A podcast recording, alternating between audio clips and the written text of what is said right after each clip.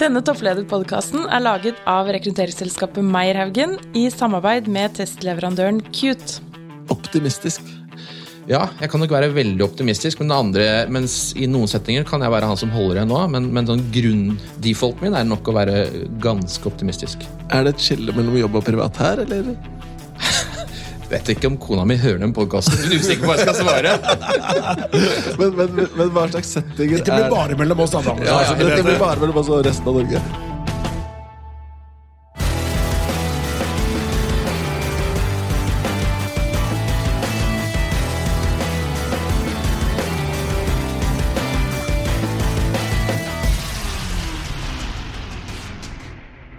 Ja, Sverre. I dag er vi så heldige å ha en veldig spennende gjest i studio. Ja, Og gjesten i dag har jo faktisk aner fra der jeg er fra. Ja, og hvor kommer du fra, Sverre? Jeg er fra et eh, lite sted som heter Arabygdi, og ikke så langt unna der så er det et sted som flere har hørt om, som heter Rauland Og Da snakker vi jo selvfølgelig om Telemark. i Telemark. Men velkommen til deg, Anders Fjell. Tusen takk for det. Vi prata litt før sendingen her at både du og Sverre og jeg er fra Telemark. Og da blir, jo liksom, da blir vi litt varme i hjertet rota. Ja, altså, sånn Helt korrekt så er jo, er jo eh, familieaner derfra. En bestefar som er derfra. Eh, og i hele oppveksten så var jeg der på ferier hver eneste ferie. Og jeg jobbet der og jeg jakta der, har kanskje litt verdisett derfra. da. Ja. Så når vi kunne prate om Telemark, da, da, da satte vi i gang før, Ja, eh, før vi fikk på mikrofonene. Det ble god prat på her på morgenen. Så, men uh, de som ikke kjenner deg, eh, Anders, hvor er det du er toppleder hen? Jeg er toppleder i et selskap som heter KID. Altså det som mange kjenner fra Sterke fine gardiner i gamle dager, som har utviklet seg veldig. Med Hildegunn Moltubakk. Yes, yes. Eh, Og og Per Jan. Ja, ja, ja.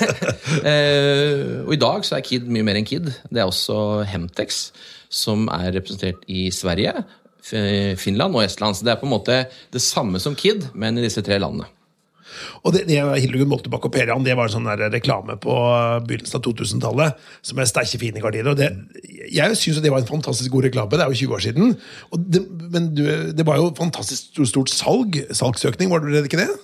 Altså, det var jo eh, gründerfamilien eh, Gundersen eh, som gjorde det. Og mm, jeg vil jo tro og håper at det er omtalt i noen markedsføringsbøker.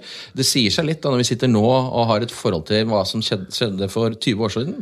Men det de gjorde, det var at de gikk all in på gardiner og tok en posisjon på ferdigsydde gardiner. Og så har jo på en måte Kid utvidet seg mye mer enn det. Men de, de tok den posisjonen, og siden har Kid hatt den posisjonen innenfor gardiner. Så jeg mener at det faktisk var et genistrek som ble gjort da, for 20 år siden. Ja, Det der er et sånn, sikkert et case på, eller burde være et case på markedsføringsstudiet på BI. Absolutt. Absolutt. Men du, nå tenkte vi skulle bli litt bedre kjent med deg, Anders. Så eh, det spørsmålet vi pleier å stille, Sverre Da pleier vi å si La oss nå si at vi hadde møttes i en eller annen sosial setting. eh, Og så tilfeldigvis så ble vi stående og prate. Hva skulle jeg begynt å snakke om for at du virkelig hadde fått vann på mølla? Og du har ikke lov til å snakke om gardiner eller jobb. Nei, Nå møttes vi i en setting her i stad, så vi begynte å snakke om Telemark og ble forsinket til, til, til innspilling her, så, så det er jo én ting.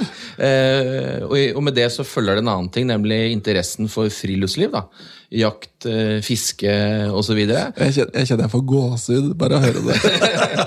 da kan vi, da kan vi, kan vi snakke lenge. Og så hvis, vi, hvis vi går tom, Ja. eh, så er det et annet tema som jeg syns er veldig gøy. Jeg er veldig glad i å lage mat. Oi, Ja, det, det kan vi også snakke om. Da, Glad i å spise mat også. ja, men det er en veldig fin kombo. Da er det sånn at du da du jakter, du skyter ting, og så lager du mat av det. da. Det syns jeg er kjempegøy. Jeg er ikke noe ute etter å skyte nødvendigvis noe som er stort eller flott, men hvis jeg kan jakte mitt eget vilt og tilberede det og finne noen gode viner inntil og servere det til gode venner og lage en sosial setting, da koser jeg meg. Ja, og det er jo, det er som å høre deg, dessverre. Ja, ja, og, og det er jo spesiell, spesielt hyggelige greier. Ikke sant? Jeg har et sånt fint eh, hjortegevir som henger på peishylla. Når du serverer en middag med deilig hjort, og så sier du den hjorten dere ser nå, ikke sant? det er det geviret der. Og så kan det jo, hvis du smører på litt, så den hjorten har nok blitt spist flere ganger hjemme hos meg. For å si sånn. Ja, der, der har jeg litt, eh, litt annen historie, for det første storviltet jeg da, det var i Afrika, og det var en kudu. Um, og da var det sånn at eh, de andre som var på den turen, sa at ja, den må du jo stoppe ut, da. Da fikk jeg det Men som hva er en kudu? En kudu det er en, en ganske stor antilope med sånn der korketrekkerhorn. Ja, ja. Så, og de, de er jo, den der ble et ganske stort dyr da, med de svære hornene på huet. Um, og så fikk jeg beskjed om at uh, det må du stoppe ut av de kompisene mine. Ja, ja, så gjorde jeg det, da. Og så, Hele, eller? Nei, ikke hele, for det er drøyt. Det er Sånn drøyt. Men bog, altså, det blir jo da ikke sant, det er brystet. Bog. Ja, og, og, og oppå, som de høye horna på. Og så fikk jeg den sendt hjem. Og da jobbet jeg i, i XXL, og så hang vi opp den i butikken på Alnabru, bare for å se hvordan det var. Og så gikk det ganske kort tid, så kom kona mi eh, Vi skulle handle noe i butikken. Og så går vi forbi den eh, kuden, og så titter vi opp og sier Se, der er den! Den kuden jeg skjøt i Afrika. Er den ikke flott? Så så kona mi på meg sånn Den er kjempefin. Jeg tror den passer best inn akkurat der den henger nå. Så du ble ikke tatt med hjem, da? Den kom aldri hjem. Men hvor, hvor er den nå, da? Er den fremdeles på XXL, eller? Du, det, nei, det er den ikke. Eh, jeg er faktisk litt usikker på hvor den er. Jeg er mulig den gikk via en presse og ut eh, en søppelpresse ut på et eller annet tidspunkt. Den, eh, den ble, det ble så varmt oppunder lys, eh, lyset der at ja. den ble ødelagt, faktisk. Oh, ja, det var litt leint, da. Ja, ja, men i hvert fall jakt og fiske, mat og vin. Men uh, fotball, da? Interessert i det? eller? Eh, ikke så veldig interessert i fotball. Vet du hva, Jeg kjenner du er, du er Dette er en god gjest, Det, ja, ja, altså, dere Alle tangeringspunkter som tenkes kan, har jo truffet her nå. Ja, Veldig, veldig bra. Ok, men du, Vi skal prate litt om, om Kid også. Så Kid, Kid eh, er jo Kid Interiør er i Norge. Hemtex er jo da det, noe dere kjøpte opp i Sverige, eh, og, og det er Finland og Estland. Ja. Og, og, men dere sier Kid Hemtex, eller sier man bare Kid i Norge? Altså, eh, det er jo nok litt sånn historisk betont, for at vi i Kid eh, kjøpte Hemtex, men vi ønsker ikke å være noen storebror overfor de, men kall det det børsnoterte selskapet heter Kid.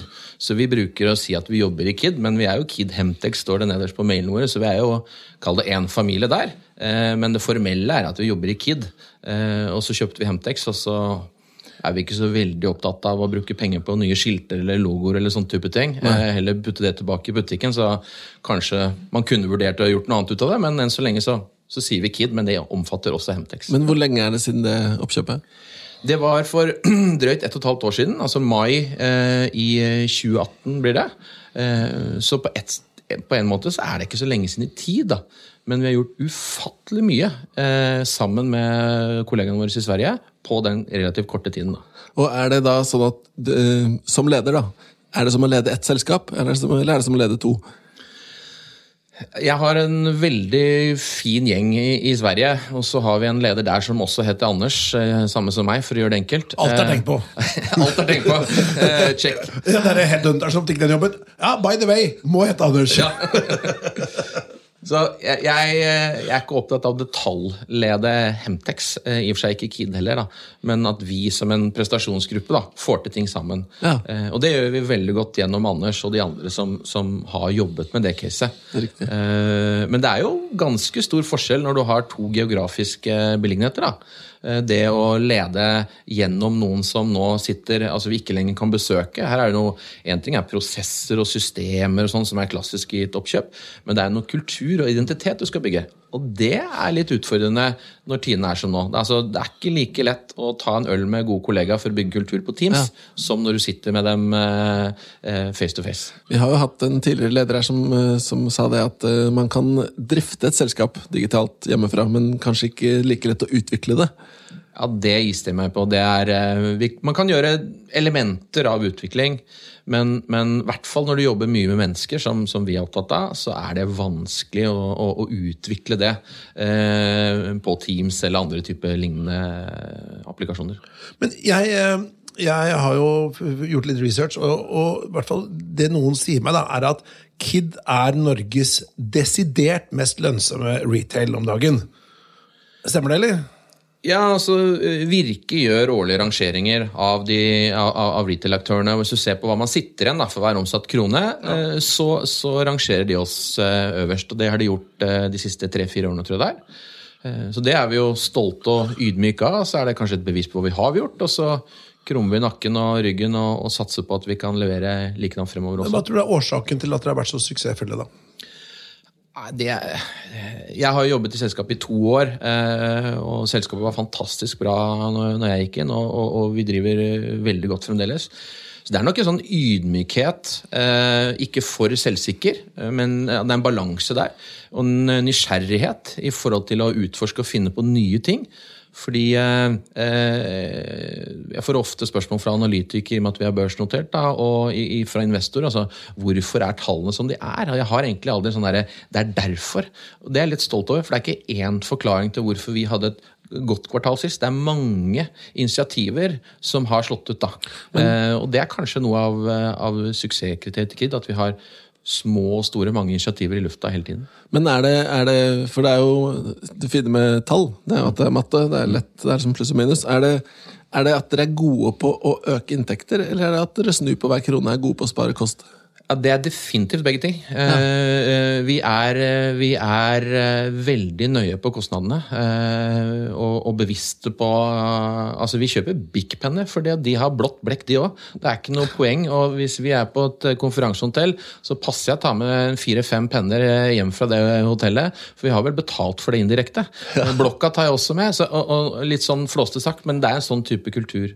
Det er kostnadssiden av det. Det er litt sånn kremmerkultur? Absolutt. absolutt, Det er kremmerskap. Eh, og i våre verdier, så er, er, som er KID, KID, så er det kremmerskap for K-en eh, som er den første verdien. Ja, og så, og, så, her er det noen som har tenkt Hvis dere har valgt verdier som er KID, hva er I-en og D-en? Inspirasjon. Ja. Altså Det handler om at vi selger interiør. Da må vi inspirere og, og, og jobbe med den, den, den, eh, verdien. Og så, vet du, Skal vi gjette, Petter? Hva tror du det er, da? Uh, D-en uh, Ja, gjett du først, da. Hva skal vi gjette? Det, det, kan ikke være direkte. Det blir for, det tror jeg ikke på. Detaljhandel. Hva, hva, er det? hva er det for noe? Det er noe som er enda bedre, gutter. Dedikasjon. Dedikasjon ah, er veldig bra. Ja, men, du, ja, men du, det er smart. Meyer Haugen, det var ganske mange eh, verdier, da. ja, det er kanskje det vi skal. Det, vi det blir det kryssordet, det. Ja. ja. men det bør vi tenke på, da. At, ja. Jo, ok. Men uh, vi Altså, dere er suksessfulle, og, og du er liksom Ja, hva, hva det er, det er ikke godt å si, men vi pratet jo også litt om dette med verdier, kultur. Kanskje det ligger noe i den retningen? Ja, fordi um, så Kid starter med at vi lager fantastisk flotte produkter som, som kundene våre vil ha. Der har du inspirasjonselementet. Uh, og så flytter vi det ut i butikk. altså Det starter med en idé når vi utvikler produktene våre. så Hvordan skal det se ut? Hvordan skal de uh, presenteres? Og da er det jo mennesker som skal gjøre det. Det er liksom ikke Excel-arkene som tar det fra en idé og, og, får det på en flott måte ut i butikk. Og da må du jobbe med menneskene, slik at de har lyst til å føle motivert uh, for det. Det er ikke lett. Eh, men vi har en holdning til at det er viktig. Eh, og det er alltid fra varme og kjærlighet, eh, holdt jeg på å si, som du klapper hunden, og du av og til må holde igjen litt. Altså, det å få til en, en verdibasert kultur hvor menneskene har lyst til å bidra. Vi er jo superheldige. Altså, vi jobber med alle i KID. Har en eller annen fascinasjon for hjem og interiør. da. Jeg har vært salgssjef på vaskemaskiner da jeg jobbet i Elkjøp for mange mange år siden. Og jeg opplevde aldri en kunde som kom inn og hadde kjempelyst til å bruke 5000 kroner på en ny vaskemaskin. Nei. Han kom inn og sa du, jeg har masse skitne klær hjemme. Jeg skal kjøpe en vaskemaskin jeg ikke har penger til. Hjelp meg! Ja. Når de kommer inn til oss, så er det helt motsatt. De har lyst til å pynte opp hjemmet sitt. De har lyst til å få det fint. Og vi får disse menneskene til å ha entusiasme og dedikasjon da. Da lykkes vi godt, og det tror jeg track recorden viser at vi har vært eh, ganske flinke til. Vi snakka litt om mat i stad. Og på mat så er det jo sånn, ikke sant, som du har matinteresse, det har jeg, det har Petter og vet jeg. Uh, mens for andre så er jo mat drivstoff. Mm. Det er ikke så nøye hva jeg spiser, jeg skal bare ha energi. ikke sant? Uh, man kunne jo tenke seg at det var også sånn med interiør og pynte hjemme. Er det veldig tydelig si, kundegrupper, personas, man henvender seg til? Fordi For noen så er det sikkert kjempeviktig med putene og andre gir litt Du skal bare ha en sofa å sitte i, eller du skal bare ha noen gardiner som stenger sola ute. Det er jo noen som er der òg. Ja, det er det sikkert. Vi har ikke delt opp i så mange personas. Men jeg, jeg bruker si, eller vi bruker å si at det, eh, vi, det er jo egentlig ikke noe av det vi har, som du trenger. Nei. Fordi eh, det aller meste av det vi har i butikken, det har du fra før. Altså, Det er jo veldig få som kommer og sier 'Hei, du, jeg har ikke en dyne'. Eller 'jeg har ikke en gardin'. Eh, men jeg, de sier, nyetablerere, der, det, det er jo en og annen som har blitt kasta ut hjemmefra, eh, som, vi, som, vi, liker å hjelpe. Men, men, men, storparten er at de vil pynte opp. De vil få det finere eh, hjemme. Eh, og da må du tenke litt annerledes, og det, det syns vi er gøy. Ja.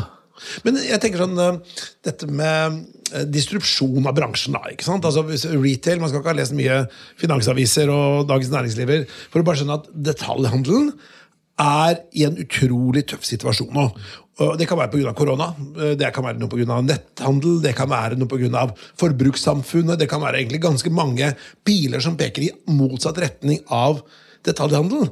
Men allikevel så går dere liksom fra eh, nye toppnoteringer hele tiden. Hva, hva er liksom noen, me- Men megatrenden, treffer dere midt i pleisen? Ja, eh, det stemmer. Og, det er jo mange retailere som, som de siste årene ikke har kalt overlevd eh, denne disrupsjonen, denne endringen. Jeg tror Hvorfor har Kid gjort det godt? Det er fordi at vi har gjort utvikling, tilpasning, før vi har vært nødvendig å gjøre det.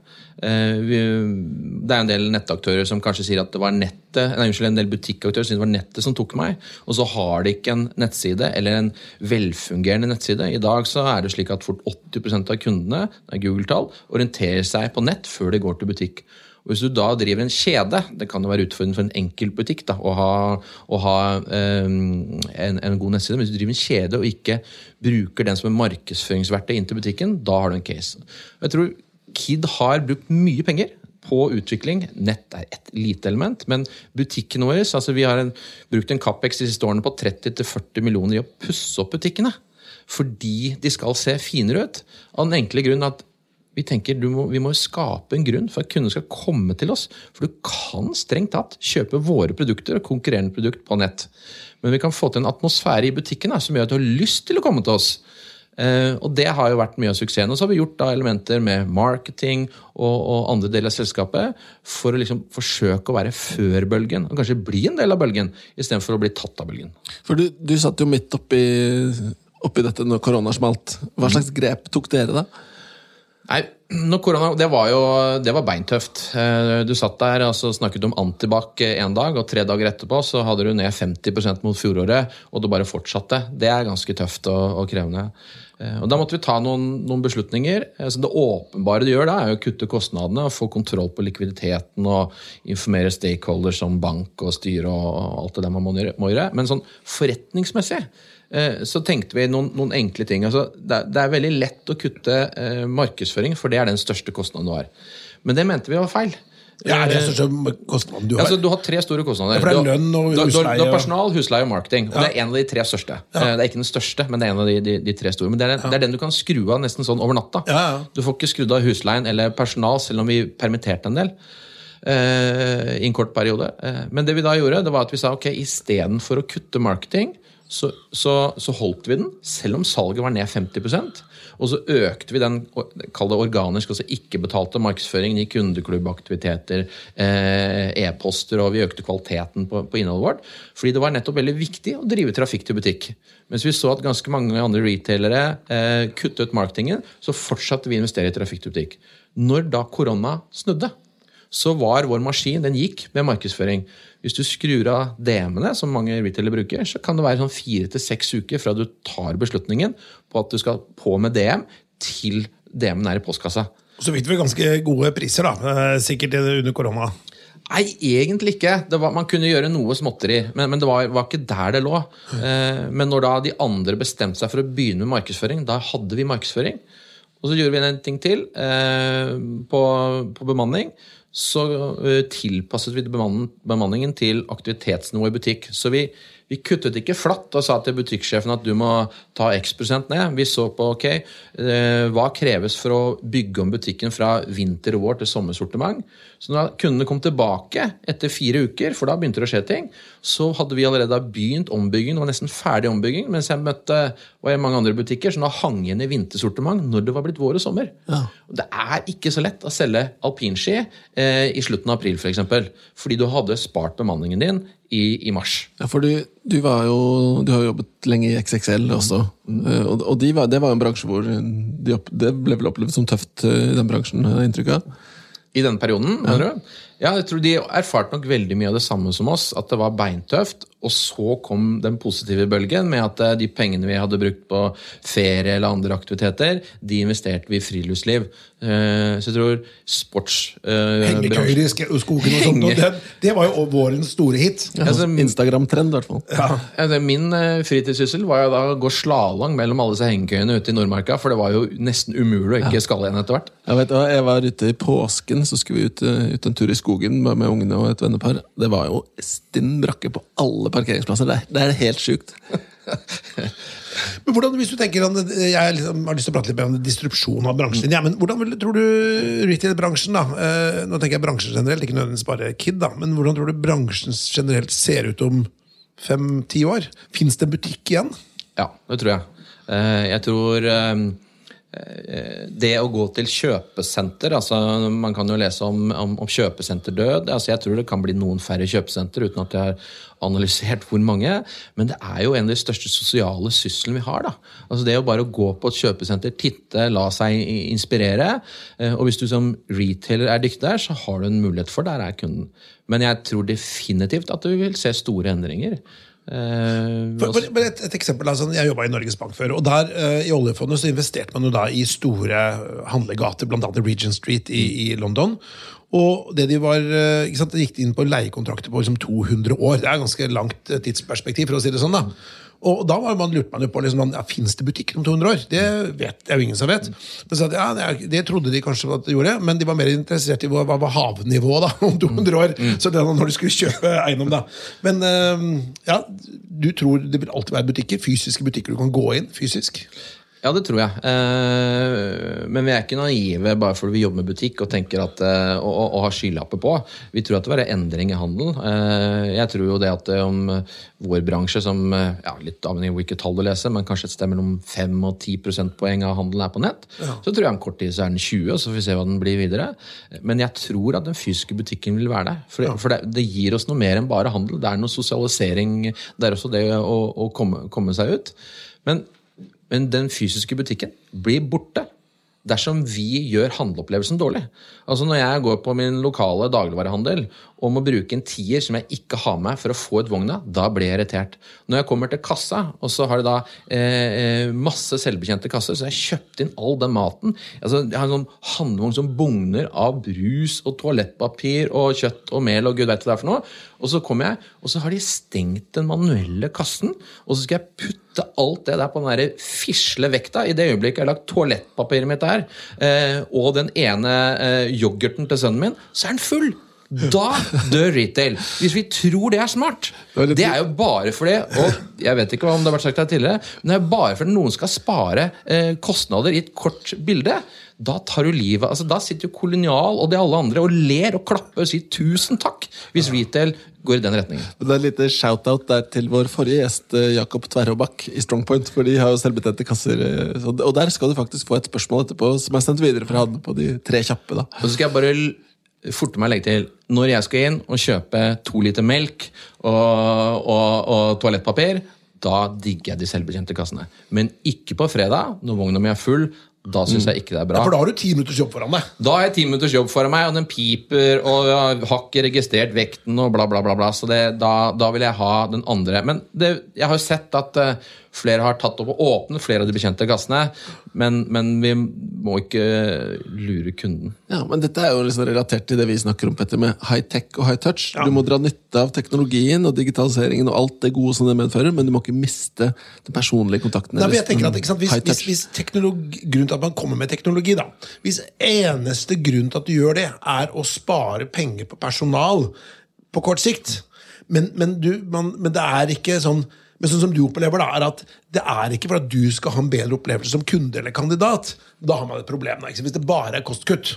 Altså, jeg har vanskelig med å tro at det er kundedrevet. Ja. Eh, I hvert fall med den fredagshandelvogna. Hvis du har spurt meg, da, så, så, så ønsker jeg, og det er mer behagelig for meg å legge det på båndet, eh, og unngå problemer med, med vekt og plass og, osv. Men i det korte, den kjapphandelen så fungerer det veldig godt. Men det, jeg tror ikke det er kundedrevet, og kanskje har vi noe av svaret her. Nemlig at vi må passe på å være mer orientert og spørre og lytte til kunden fremover. Hva vil du? Og gjør vi ikke det, så dør vi. For dere har ikke selvbetjente kasser. Vi har ikke selvbetjente kasser. Og likevel lønnsomme retailer. Det er jo interessant. Men et spørsmål. For vi snakker jo om distrupsjon, og så sier vi ok, butikkene består osv. Men på styrerommet deres så må dere diskutere noe som er liksom Hva er trendene? Hva er det dere må være i skoa foran i skoa på for å ikke henge etter? Hva er det dere ser komme, da, som, kan være, som dere må være tidlig ute på? Um, vi, vi, jobber mye med de digitale systemene. Uh, alt ifra du kan kalle det nettbutikk, da, men nettbutikk er litt snevert. Egentlig Den interaksjonen du gjør digitalt mot kunden, som både du får en inntekt på nettet, men også i butikk. Der tror jeg det er viktig å være fremme. Eh, jeg tror ikke at for Kids sin del så er det de fysiske konkurrentene som har best forutsetninger for å utkonkurrere oss. Jeg tror derimot de kommer fra utenfor Norge, og de har en innsikt på data som er noe helt annet enn hva vi har. Ja. Altså, du frykter Amazon? Nei, jeg frykter i og for seg ikke Amazon. Men jeg tror det er den type konkurrenter som kan utfordre retail på en helt annen måte enn de andre fysiske konkurrenter. For de gjør det på et annet sett. ikke sant? Eh, enn en hva de andre vi, vi, kjenner veldig godt da, i, her hjemme i Norge. Men du, Dette er jo en topplederpodkast, og vi er jo interessert i deg som person og hvordan du ble leder. da. Eh, du har jobbet i retail hele livet, så vidt jeg kunne se på LinkedIn-CV-en din. Men når tid skjønte du selv at du kunne bli toppleder, altså number one? Um, jeg har aldri hatt det målet. Uh, jeg har aldri gått på jobb og tenkt at nå skal jeg gjøre noe for å bli nummer én. Uh, uh, og ikke det at jeg mener at det er feil de som gjør det, men, men min motivasjon og sånn som jeg er så type, så har jeg alltid tenkt at uh, jeg må finne på noe nytt. Jeg må ha noe som motiverer meg, noe utvikling. Altså noen nye utfordringer hele tiden. Og så har det vært driveren. Og en dag så ble jeg nummer én.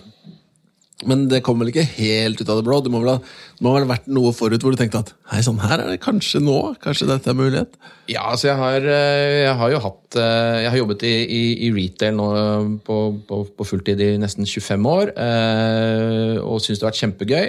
Og hatt en ambisjon om nye områder jeg skulle lære meg osv. Jeg har hatt, jobbet en, en god stund i Elkjøp. Og jeg har hatt 16 år i XXL, hvorav 14 15 i Medvind. Og så var det litt tøff den siste delen, men da lærte jeg utrolig mye da. Og der har det vært nye utfordringer og roller hele tiden.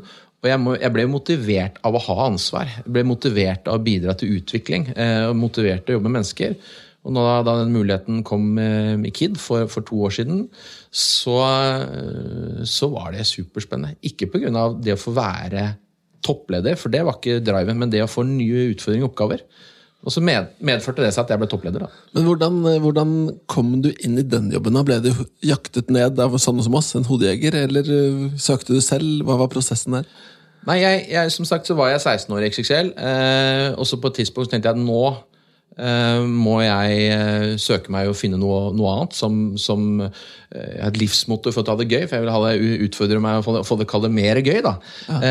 og det som var litt tilfeldig, var at da ringte sånn som dere, flere stykker innenfor et relativt kort tid. Og så var jeg så heldig at jeg fikk den jobben jeg hadde aller, aller mest lyst på. Ja. Det er jo solskinnshistorien. Vi har jo en viktig jobb, Petter. Ja, det, det, vil jeg absolutt si.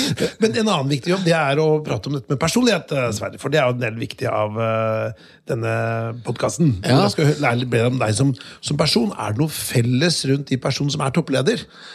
Eh, fordi, som du sier, sant, så har jo ikke du Du har liksom ikke hatt noen ambisjon om å være toppleder, men ledelse handler jo ikke om posisjon. Ledelse handler om å tørre å ville noe, tørre å mene noe og klare å få med seg folk. Mm. Eh, har du vært, eh, var du liksom den som styrte aktiviteten i Sandkassa, eller? Uh, er nok sånn todelt, hvem jeg er på privat og hvem jeg er på jobb. Så jeg kan nok være han som styrte litt i sandkassa. Jeg var nok kaptein på fotballaget. Jeg var ikke beste fotballspiller, men jeg var jo han som styrte Forsvaret og kapteinen kaptein en del år, liksom. Som privat så er jeg nok mye mer stille og rolig og reservert. Men på jobben så elsker jeg å skape engasjement. Ja. Eh, elsker å få til entusiasme og energi. Og, og, jeg husker jeg hadde kjøpt inn en høyttaler til vi har treningsrom på, på, på, jobben. Og så tok jeg Nei, så tjukk du har blitt. Den tok jeg og kjørte opp, og så satt den i gang. Og så sto jeg sang der, da. Bare for moro skyld. For å være litt uhøytidelig. Og få til den der Og da tenkte folk hva er det for noe med han der? Da oppnådde jeg akkurat det jeg ville. Harra for nå, litt! Ja, ja, nettopp. Anders ja, det lurte alltid på han. Så, så du framstår som ganske sånn sosialt uredd, med andre ord? Ja, det er jeg. Eh, på jobben er jeg det. Ja. Eh, men hvis vi er en vennegjeng som skal inn til en restaurant, for eksempel, og noen skal spørre om bord, da går jeg bakerst. Er det men, sant? Ja, men i en jobbsetting så går jeg foran. Ja. Taler i brylluper og sånn, da?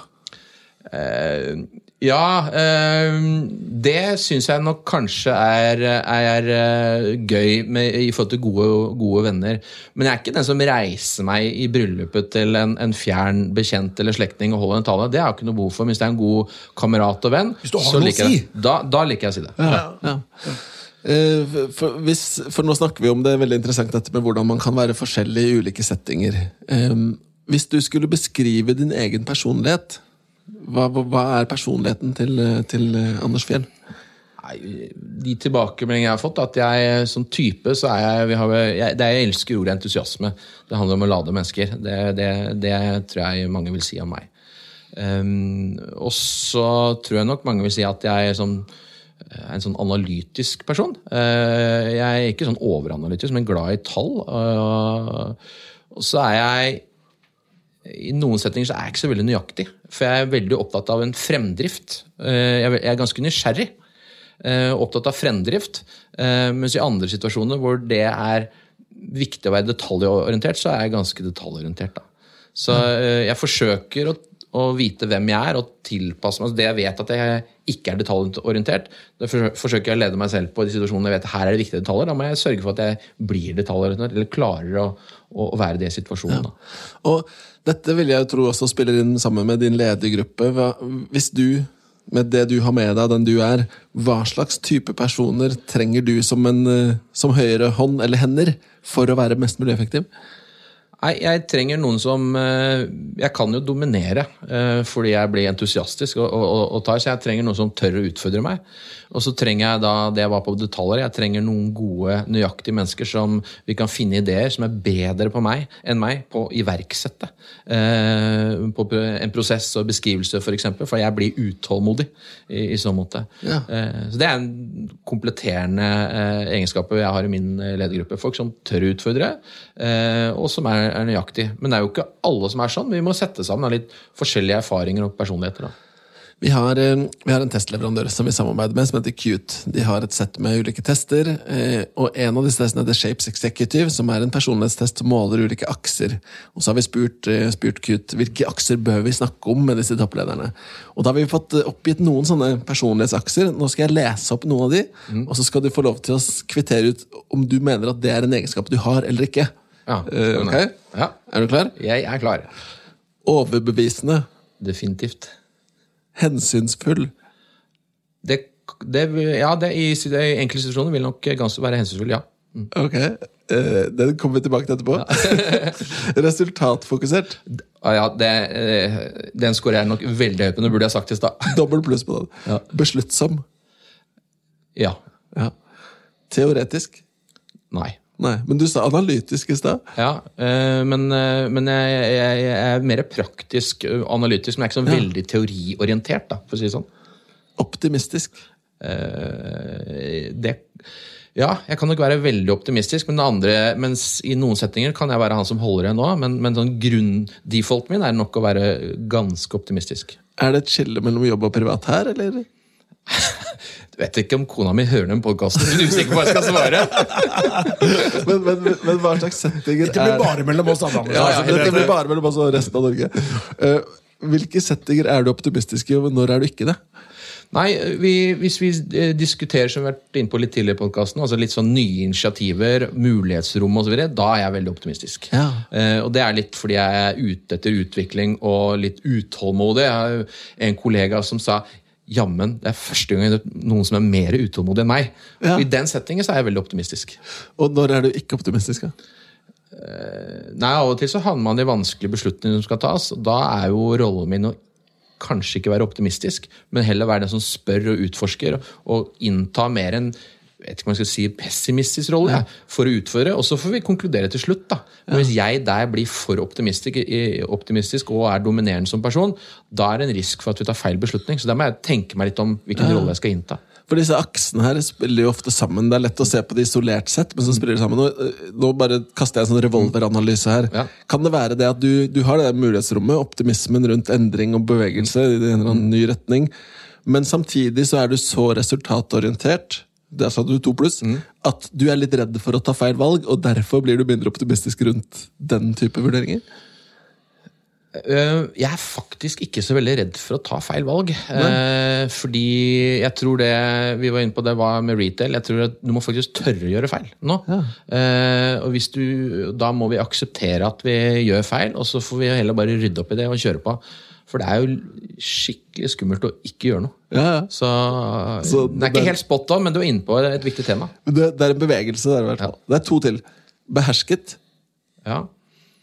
Eh, Hva sa jeg? Eh, At jeg var behersket? Sa jeg det? Nei, jeg spør om du er det. Om, altså. om jeg er det? Å, ja, ja, ja. Eh, altså den Entusiasme og optimisme eh, kan jo stå i veien for at du klarer å være behersket. Og det siste har du egentlig svart på på mange vis, og det er entusiastisk. Og der er vel kanskje to pluss på det da. Jeg tror eh, at mange vil eh, trekke frem det hvis de skal si hvem er Anders. Ja. Ja, men det er veldig, veldig bra. Eh, før, vi, før vi lar dette ligge og gå videre, så har jeg lyst til å gå litt tilbake til å spørre du, du, Når jeg spør om hensynsfull, så sier du i noen settinger. Ja, altså eh, Av og til så må du ta tøffe beslutninger. Eh, som, som toppleder så er det jo til syvende og sist deg. Eh, du kan konferere med styret eller andre. liksom. Det er du som må ta den beslutningen og stå for den. Eh, men hensynsfull, så går det i menneskeaksen. da. Jeg som er, liker å snakke om mennesker og entusiasme. Så har jeg hatt veldig mange samtaler innenfor et lukket rom hvor jeg eh, har grått med mine kollegaer, felt tårer i forhold til vanskelige situasjoner og støttet. Så jeg tror de som har sett den, Anders, vil si at jeg nok kanskje er ganske hensynsfull og medmenneskelig. Eh, og jeg er ikke redd for å vise følelser, på godt og vondt i så måte, eller, eller vise en bred aks av det. da. Ja.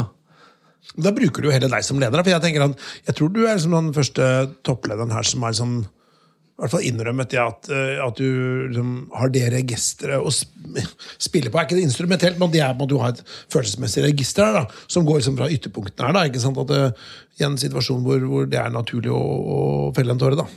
jeg, jeg er ikke Altså Som ung så var jeg mye mindre ydmyk. Uh, og det var en ting jeg på en måte har lært meg opp gjennom at uh, det å være ydmyk og innrømme hva du er god på, er noe en ting, men altså det å, å være tydelig på hva du ikke er god på, er smart. Og så har jeg erfart da med å jobbe med masse unge mennesker i, i retail at man er altså Når jeg har jobbet operasjonelt i, i XXL-tiden, eh, så har du med masse unge mennesker som er type 20 til 28 år. Det er jo ikke noe tid i livet hvor det er så mye endringer. Du blir dødsforelska den ene dagen, og du har funnet drømmedama eller drømmetypen. Så går det 14 dager, så har kameraten din rappet dama di, liksom. Altså Hvis du da skal være helt kald og kynisk altså, I starten så tenkte jeg jobb er jobb, det bryr jeg meg ikke om. Men så lærte jeg meg det at ved å åpne opp og, snakke med folk da, om ting som ligger utenfor jobben, eh, så fikk jeg jo tilbake en enorm lojalitet. da. Ja. Så eh, Nå hadde jeg bursdag for ikke så kort tid siden, og nå ble jeg nesten rørt når jeg forteller om det, men da fikk jeg fra ganske mange av kollegaer jeg har hatt for mange år tilbake, så fikk jeg gratulerer med dagen sjef. Åh, ikke fordi jeg er sjef, men fordi det er et bilde på lojalitet. da. Dette Det er er ved, ved tørre å være sårbar. Dette er andre gangen jeg får gåsehud i den podkasten. Første gangen var du snakka om jakt, og da, da du snakker om det. Men det er veldig fint, da. Ja, men du, Dette er jo dette er spennende. Jeg kunne tenke meg å gå øh, Men vi må gå bort til disse tre kjappe, Sverre. Ja, vi har, og de, I dag var vi jo Det ble så entusiastisk. Apropos entusiasme, så ble vi så entusiastiske i starten at vi presenterte det ikke.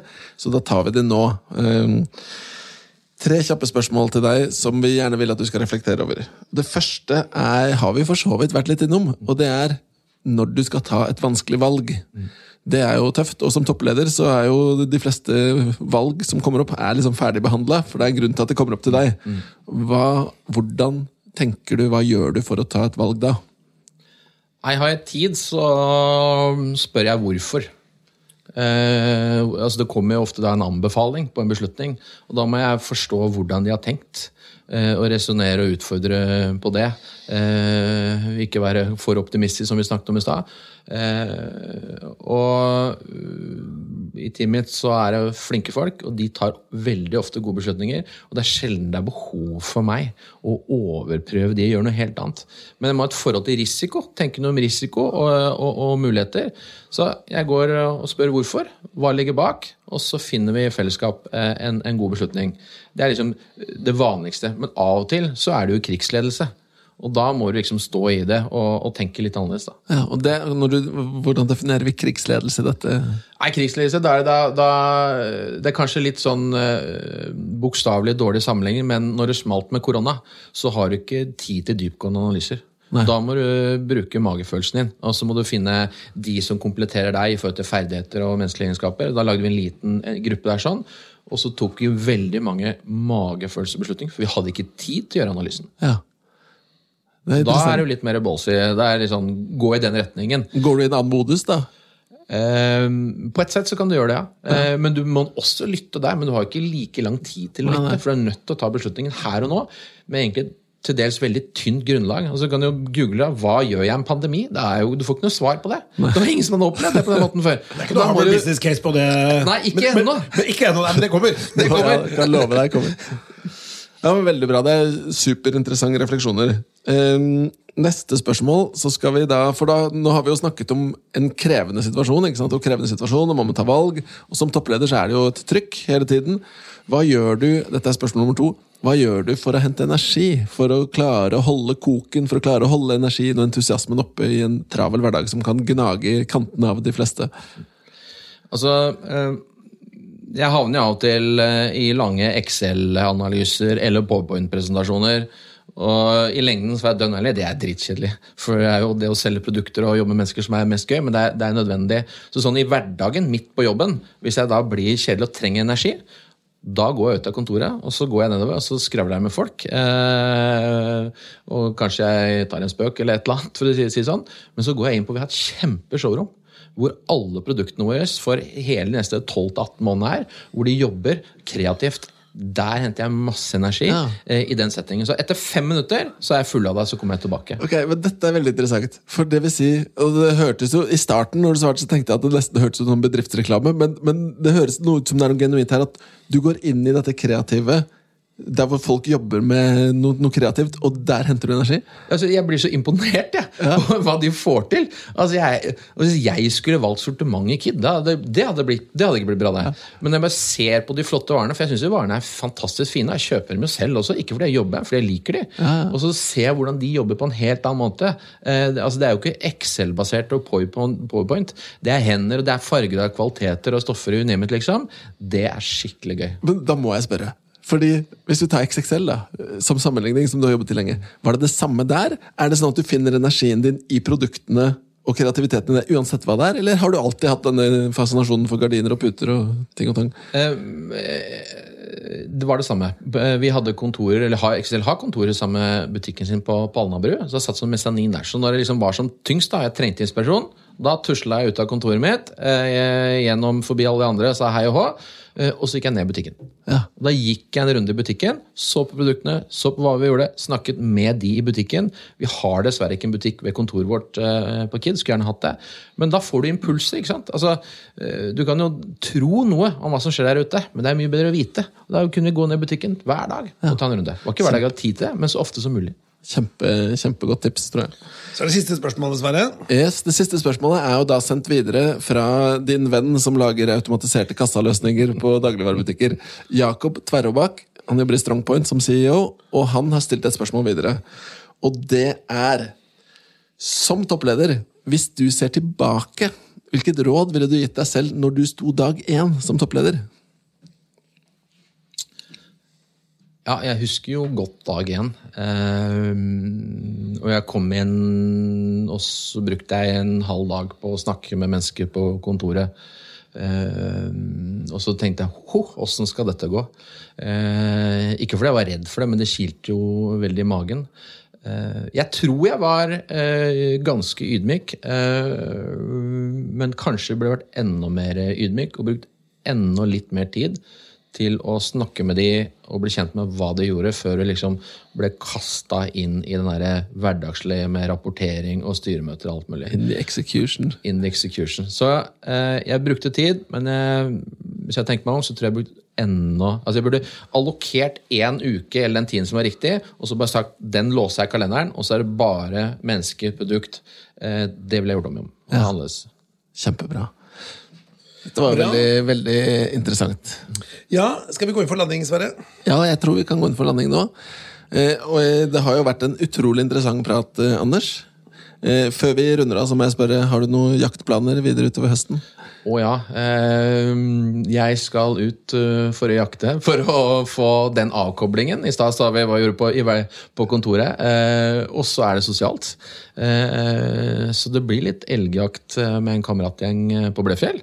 Og så får vi se da om det er tid til mer. Jeg har brukt av og til å få til en runde i desember i Sverige, men eh, det ser stygt ut nå med korona og alle andre aktiviteter. Men jeg er nødt til å få den avkoblingen, og så har jeg en veldig snill kone som lar meg få lov til å lade batteriene ved å komme meg litt ut på jakt eller tur. Jeg synes vi skal ta en shout-out til konen eh, der ute. Ja, det syns jeg. Eh, Men tusen takk, Anders, for at du var med oss i podkasten. Veldig spennende å høre hvordan dere klarer oss, sikkert. Takk skal du ha. Har du innspill eller kommentarer til denne podkasten, kan du sende en e-post til toppleder at meierhaugen.no.